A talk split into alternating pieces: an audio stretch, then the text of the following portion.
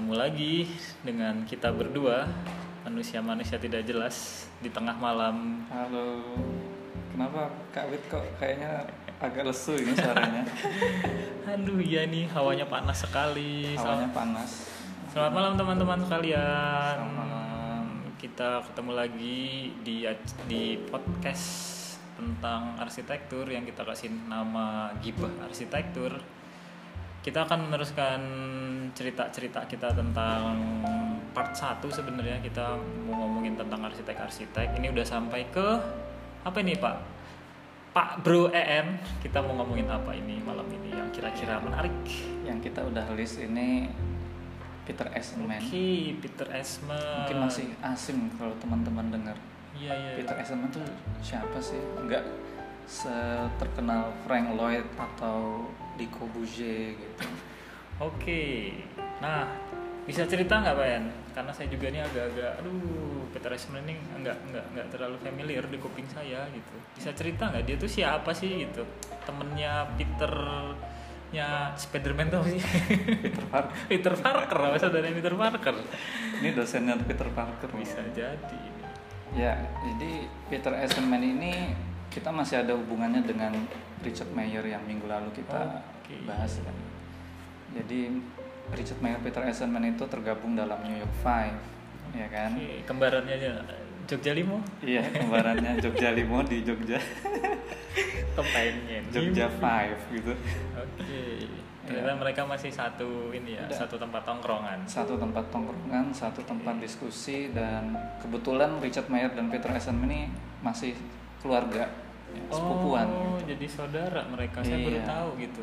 Iya, iya. mungkin ya salah satunya lebih tua siapa ya mungkin eh, mereka sama-sama tua lah gitu. Oke, kalau di sini kalau saya baca di Wikipedia itu Peter Eastman itu lahirnya itu tanggal 11 Agustus 1932. Jadi sekarang umurnya itu sekitar 87 tahun. 87 Wow, tahun, hampir tua. 90 ya. Masih berkarya gitu ya. Masih berkarya dan dia ini eh, pengajar arsitektur yang mungkin paling tua di dunia saat ini gitu. Wow, iya umur 87 di Indonesia 70 tahun udah pensiun. Pensiun, pensiun gitu. Ini masih ngajar dan Masih ber, ngajar, berkarya ya, berkarya jadi gitu. arsitek. Jadi pengalaman dia di bidang pendidikan itu panjang sekali. Mungkin Dia ada- ngajar di mana, Bro? N? Dia ini di Yale. Oh, di Yale Yale University di mana sih Yale itu? Yale Yale itu ya, Columbia ya, bukan ya? Yale itu di New York ya. Oh, New York karena Yale negara bagian ya. New York gitu. belum pernah ke sana teman-teman sorry ya. Iya. Nah kalau kita lihat eh, alma maternya, dia pernah kuliah, pernah sekolah di Cornell University, University. terus di Columbia Columbia University, terus di University of Cambridge di Inggris Di gitu. Inggris. That's right. Wow, keren sekali. Sampai jadi- S3. Ya ini mungkin uh, Eisenman ini awalnya itu semasa mau kuliah dia tuh nggak ngambil arsitektur. Wah, ngambil apa dia? Dia ngambil Eh, itu, congklak. Dia dia dia dia tuh seorang perenang, Oh, Iya kan? atlet. atlet. Jadi Berarti kayak kayak saya suka sepeda itu bisa juga jadi arsitek bisa ya? uh, ada punya bakat di situ gitu kan nggak apa-apa cuman uh, begitu dia ngelihat teman asramanya buat-buat maket gitu Tertarik tertarik gitu ya. loh kamu kuliah kerjaannya cuma buat maket aja Mhm. kok menyenangkan banget sih Iya, gitu iya. Kembali ke masa SD, eh TK kalau iya, Indonesia ya. kayak gitu Bermain memotong dan menyambung dan Ah. mewarnai.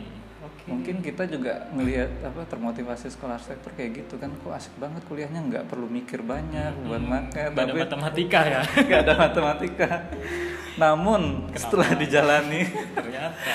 ternyata ya ancur-ancuran hancur-hancuran. gitu kuliahnya lembur gitu. Banyak tugas ya. Itu sama kayak pembicaraan kita minggu lalu tentang afterlife graduation. generation gitu. Udah teman-teman mungkin bisa nyetel itu untuk tahu nasib para fresh graduate setelah lulus gitu. Oke kita lanjutin lagi Peter Eastman-nya dia suka berenang terus tahu-tahu ketemu temennya yang di asrama ya tadi ya? Iya di dia asrama yang suka arsitek gitu. Terus kenapa kok dia tahu nggak Pak Bro EN kenapa kok dia tahu-tahu suka belot jadi arsitek gitu? Ya mungkin karena senang aja gitu ya. Mungkin membuat bentuk-bentuk yang bagus kayak gitu. Hmm, daripada main air terus ya gitu. Iya. Ternyata dia tidak cocok kerja di air. Orang tuanya sebenarnya nggak setuju dia kuliah di Oh. arsitektur. Tidak dapat restu sebenarnya. Maksudnya kamu habis SMA tuh kerja aja gitu. Oh gitu. Hampir mirip sama orang-orang Iya, Indonesia ya habis jadi- lulus kuliah jadi PNS orang Amerika itu banyak kan yang SMA itu langsung kerja. Sampai sekarang tuh ya seperti itu gitu. Eisenman juga termasuk lah gitu. Jadi dia kasih satu kesempatan satu tahun kalau kamu bagus Orang tuanya kuliahnya, nih, orang, tuanya tuanya bilang oke kamu boleh kuliah. Tapi kalau misalnya jeblok nilainya udah langsung kau kerja nggak usah kuliah kayak gitu maksudnya nggak usah kuliah dia di arsitek tadi itu enggak nggak usah Oh. kerja nggak usah kuliah eh, nggak usah Oh. kuliah sama sekali kerja aja oke gitu oke Gitu. ya ya ya, ya. jadi itu tantangan, ya Tantangan buat Eisenman buat untuk Eisenman. membuktikan kalau dia itu benar-benar serius gitu ya. arsitektur Oke, oke. itu di mungkin di Cornell University-nya Ya, dia di dia Cornell di Cornell University. University itu pas dia S1-nya eh, di S1 terus kalau kita berangkat ke karya-karyanya kan kita lihat di sini nih dia tergabung dengan Jogja Five gitu kan. Eh Jogja Five jadi kan Jogja Five sih. Jadi Jogja Five. keren juga. Aduh sayang wis bubar sekali.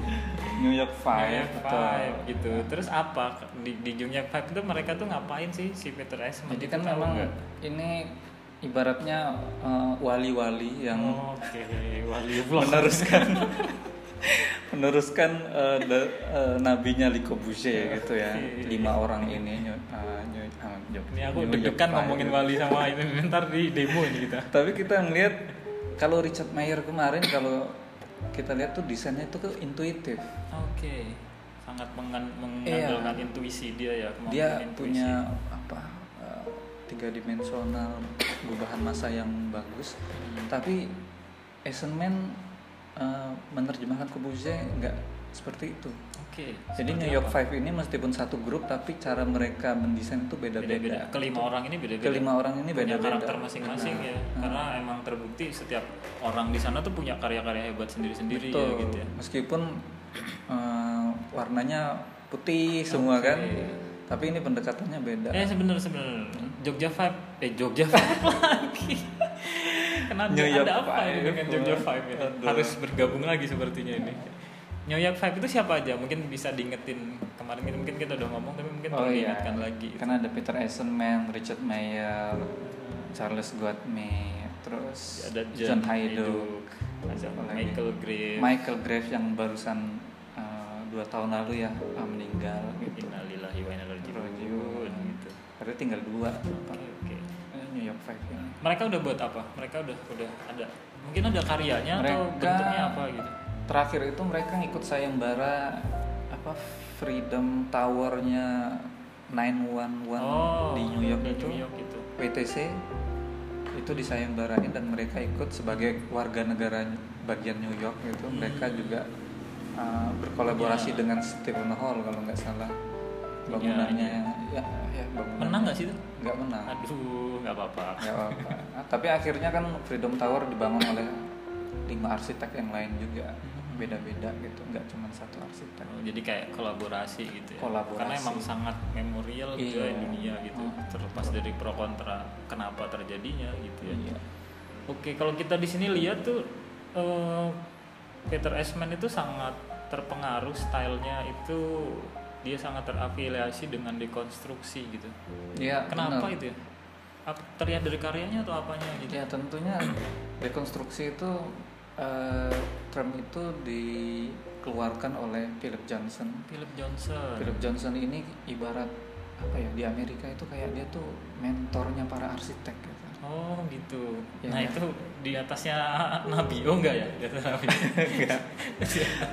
Di bawah Nabi Di bawah Nabi dikit gitu. kayak ah, ya, Sahabat Nabi. Kayak gitu lah. Iya, oke oke. oke. Uh, jadi uh, uh, Philip Johnson ini ngelihat kok kecenderungannya arsitek-arsitek Amerika dan Eropa ini kok ada sekelompok orang yang memiliki karakter desain yang mirip-mirip Hmm. gitu kan. Nah, dia sebutnya dekonstruksi karena dia dekonstruksi ini karyanya kan keluar dari pakem yang Yang dulu masih zaman modern gitu ya. Iya. Kota-kota dan teman-teman ya saat itu. kok ya. tiba-tiba ada yang eh, bentuknya itu kalau orang Indonesia bilangnya acak adut gitu Oh. kan nggak jelas nggak jelas mana dinding mana atap mana, Mana jendela kolom mana gitu ya. kolom kayak gitu jadi semua blending jadi Iya, satu gitu. tapi mereka me- mewakili zaman yang baru gitu loh setelah modern. Oke jadi kayak masa Kayak peralihan seperti masa betul mereka kayak memberontak Oh. dari pakem-pakem kaidah-kaidah arsitektur. Modern tadi. Modern tadi. Yang udah sangat sangat jadi international style saat itu ya. Meskipun mereka percaya dengan Vitruvius yang tiga itu apa? I mean, lupa. Ya, Eh, aduh kok lupa. Lupa lupa eh, utilitas, Oh. firmitas, kemudian apa lagi ya fungsi ya.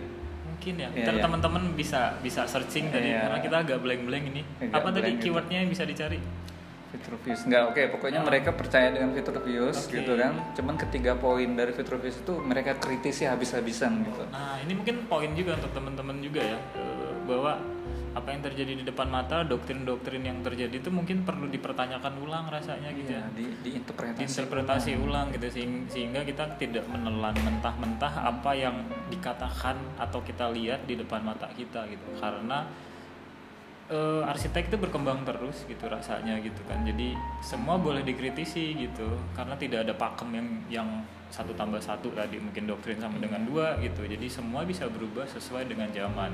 Contohnya tadi gitu. Betul. ya. Jadi eh, Eisenman itu nggak sendiri. Mm-mm.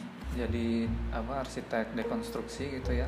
Ada Frank Gehry di situ Oh, Frank Gehry masuk iya, di- that's right. Oh gitu. Jadi dekonstruksi itu dimulai dari sebuah expo pameran yang judulnya Deconstructivism Architecture gitu oh di situ ada Eisenman ada Frank Gehry kayaknya perlu kurasi gitu ya perlu kita buat podcast sendiri nih Oh tentang dekonstruksi ya. Oke. Ada Zahadid, Oh. Rem Koolhaas dan ya beberapa nama yang lain lah.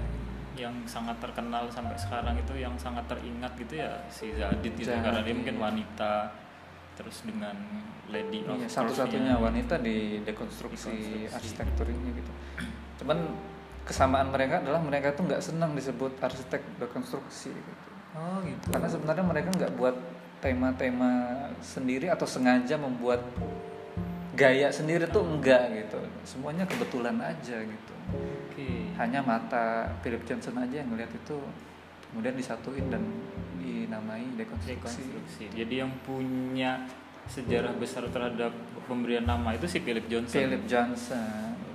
kita beralih tadi dekonstruksi cara berpikirnya yang sangat terafiliasi dengan dekonstruksi sekarang kita coba ngomongin karya-karyanya gitu biar teman-teman eh, yang mendengarkan di sini tuh bisa sedikit membayangkan bagaimana sih Hmm. si Peter Eastman ini berkarya gitu Iya. yang unik nih mungkin dari yang sangat terkenal dulu sempat ngebum di Indonesia gitu gara-gara salah satu artis Indonesia yang berdiri di atas Iya. gitu ya siapakah dia Cantik, cantik, cantik. cantik mundur-mundur gitu kan mak debut gitu kan ini ada memorial eh, murdered Jews di Eropa gitu Iya, ini semacam apa monumen memorial apa Holocaust. Holocaust oh iya Jadi kita nggak menyebutnya pembantaian seperti yang artis itu sebut. karena- Tiba-tiba jadi viral di YouTube di Jerman gara-gara dia menggunakan kata pembantaian. karena itu mungkin ada segi-segi sensitif orang Jerman terhadap Selain sensitif itu sesuatu yang memalukan bagi orang Oh, Jerman. gitu.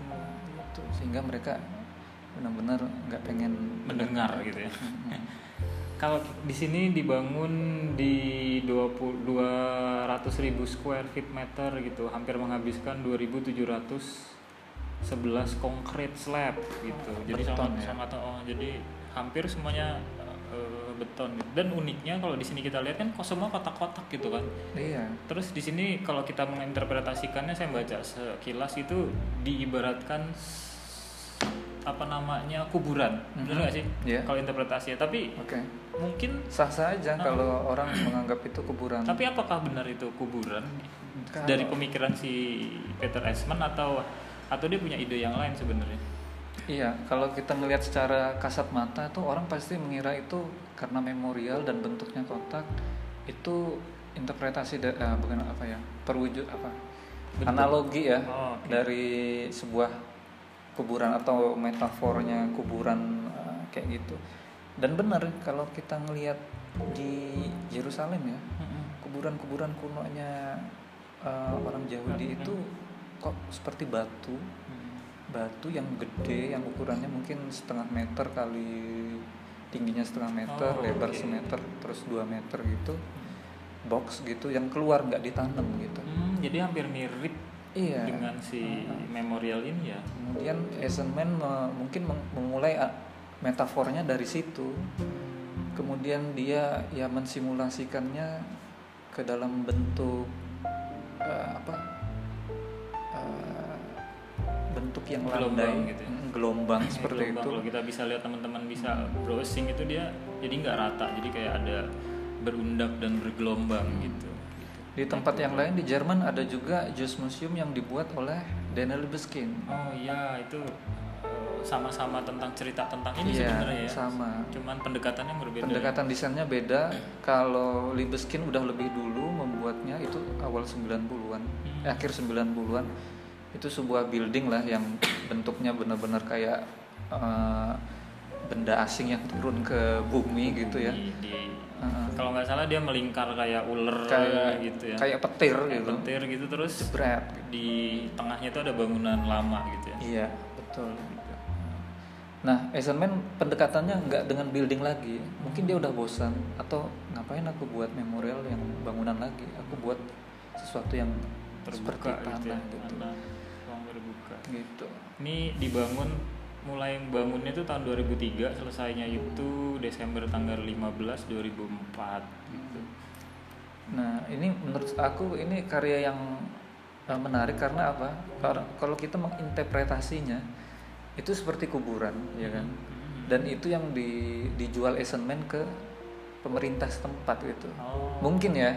Iya, iya, iya. Tapi Eisenman punya misi sendiri terhadap arsitektur. Dia sedang mengkritik arsitektur kalau arsitektur itu dinilai berdasarkan apa penampakan yang kita lihat gitu. Fasad, form, Fasad bentuk gitu ya kan. Biasanya kan kita kalau biasanya tuh arsitek-arsitek kalau kita jalan-jalan tuh kita akan ngelihat bentuk. Oh, Iya. Keren nih bangunannya, Hmm, betul. materialnya gede, tinggi Betul. gitu. gitu. Kalau Peter Sisman Justru enggak. Dia pengen mengembalikan arsitektur enggak dari mata tapi dari hati. Dari mata hati turun ke tangan. gitu. Eh, enggak, ke tangan ke gitu tangan ya. ya, ke tangan ya. Jadi Oke. eh, ini soal tactile gitu, tactile arsitektur. Jadi arsitektur itu bisa disentuh, diraba, dirasain gitu kan. Hmm. Orang masuk ke dalam memorial ini ada apa tersesat seperti apa gitu. Jadi dia pengen mengembalikan arsitektur itu ke sensorik gitu, sensorik tubuh Oh, gitu. jadi- bukan mata gitu. karena kalau kita ngeliat di sini kalau lihat di videonya sayang belum pernah ke sana kita ini jadi Iya. kita coba lihat dari YouTube kalau kita kan jadi kalau orang ke sana dia masuk ke antara tactile tactile tactile tactile itu ya Betul, gitu. jadi tactile. jadi dia merasakan skala dia Benar. merasakan ruang gitu Karena jadi, box tadi ada yang ukurannya kecil, ada yang bisa yang besar, tinggi, jadi gitu ya kita Ah, merasakan ruang gitu ya interaksi orang itu beda-beda yang dipakai duduk ada yang dipakai untuk loncat-loncat kayak gitu Oke, itu menarik kalau kalau jadi teman-teman kalau punya rezeki ke Jerman mungkin bisa lihat karya ini gitu. Terus karyanya apalagi nih selain tadi memorial kita coba lihat yang building-building. ya Eh, ini ada karyanya tentang City of Culture of Galacia gitu. Itu agak unik ini sebenarnya kalau kita lihat itu nggak kayak bangunan pada umumnya gitu. Iya. Eh, materialnya nggak tahu nih kalau kalau teman-teman bisa. Itu bentuknya kayak transparan tapi masif. Terus bentuknya berundak-undak yang nggak punya bentuk sebenarnya gitu. Nah. Itu gimana sih gitu? Karena sangat unik gitu. Iya jadi kalau kita lihat eh, apa tadi namanya pak? City of Culture, City of Culture. Ya, City of Culture of Galicia. Jadi ini nama daerah di Spanyol ya di Galicia itu. Eh, bentuknya itu seperti bukit gitu. Bukit yang dibelah-belah gitu. Ya enggak? Dia ini misinya satu. Dia ingin orang mengalihkan dari Bilbao effect. Oh saat itu lagi pas bersamaan dengan That's Bilbao right. itu ya? Bilbao itu kan terkenal banget gitu kan. benar benar benar. Nah, orang pada ke situ jadi magnet gitu. Itu itu sebuah bangunan building. Oh. SMN hadir dengan Galaxia ini bukan sebuah bangunan gitu. Tapi uh, sebuah tumpukan-tumpukan layer gitu ya. Iya, jadi dia- ini semacam kota daerah tempat penziarahan eh Oh. perziarahan ya Oh gitu. seperti itu Karena dia sangat besar sekali terus bangunannya tidak berbentuk gitu ya. iya ini hasil sayembara juga nih Kak Wid Oh, Oke. di antaranya pesertanya ada Rempulhas Oh, kapan kalau ikut sayembara bisa dibangun kayak gini? Iya. Hah, huh. SMN ini menyadari kalau ini sayembara terbatas. Saingan dia itu arsitek-arsitek yang kelas satu kelas ya, satu yang mereka kalau buat building itu pasti bagus. Oke. SMN hadir, aku berarti aku nggak usah buat building dia bilang. Terus nggak usah bagus ya? Dan nggak usah bagus. Kalau teman-teman gitu. lihat tuh di, di cari di Google Iya. deh gitu, cari cari culture of Galacia, teman-teman tidak akan menemukan persepsi tentang bangunan Iya. yang kita mimpikan bahwa bangunan tuh macam-macam bentuknya ini malah tidak punya bentuk gitu, tapi dia punya mungkin ada satu keunikan. Iya, kalau arsitektur itu si Vitruvius bilang kan salah satunya kan Venus City, keindahan. Oke. Nah, SMN eh, nggak nggak itu. Oh, nggak dia- lari ke keindahan gitu kalau dia buat menciptakan karya dia menciptakan sesuatu yang uh, kita lagi nggak ngomong keindahan nih gitu Oh, kayak gitu Oke oke. kita ngomong hal yang lain gitu jadi bangunan dia nggak bisa dibilang jelek Oh, nggak bisa juga dibilang bagus gitu karena ki- we're not talking about beauty gitu. Hmm, karena dia punya misi sendiri terhadap setiap karya-karyanya tadi right. gitu ya. Teman-teman boleh bisa lihat eh, di Google gitu atau di YouTube gitu tentang culture Galacia terus kita coba lari lagi. A- apa ada yang mau ditambahin lagi? Oke. Ya jadi kalau kita ngelihat dua karya tadi ya Mm-mm. Itu semuanya simulasi menggunakan parametrik kan oh ternyata parametrik itu ada di situ ya? Oh iya, SMN ini adalah bapaknya parametrik. Jadi Oh, teman-teman. yang kita kenal sih paling cuman si Bu Zahara. Zaha, Zaha. Zaha.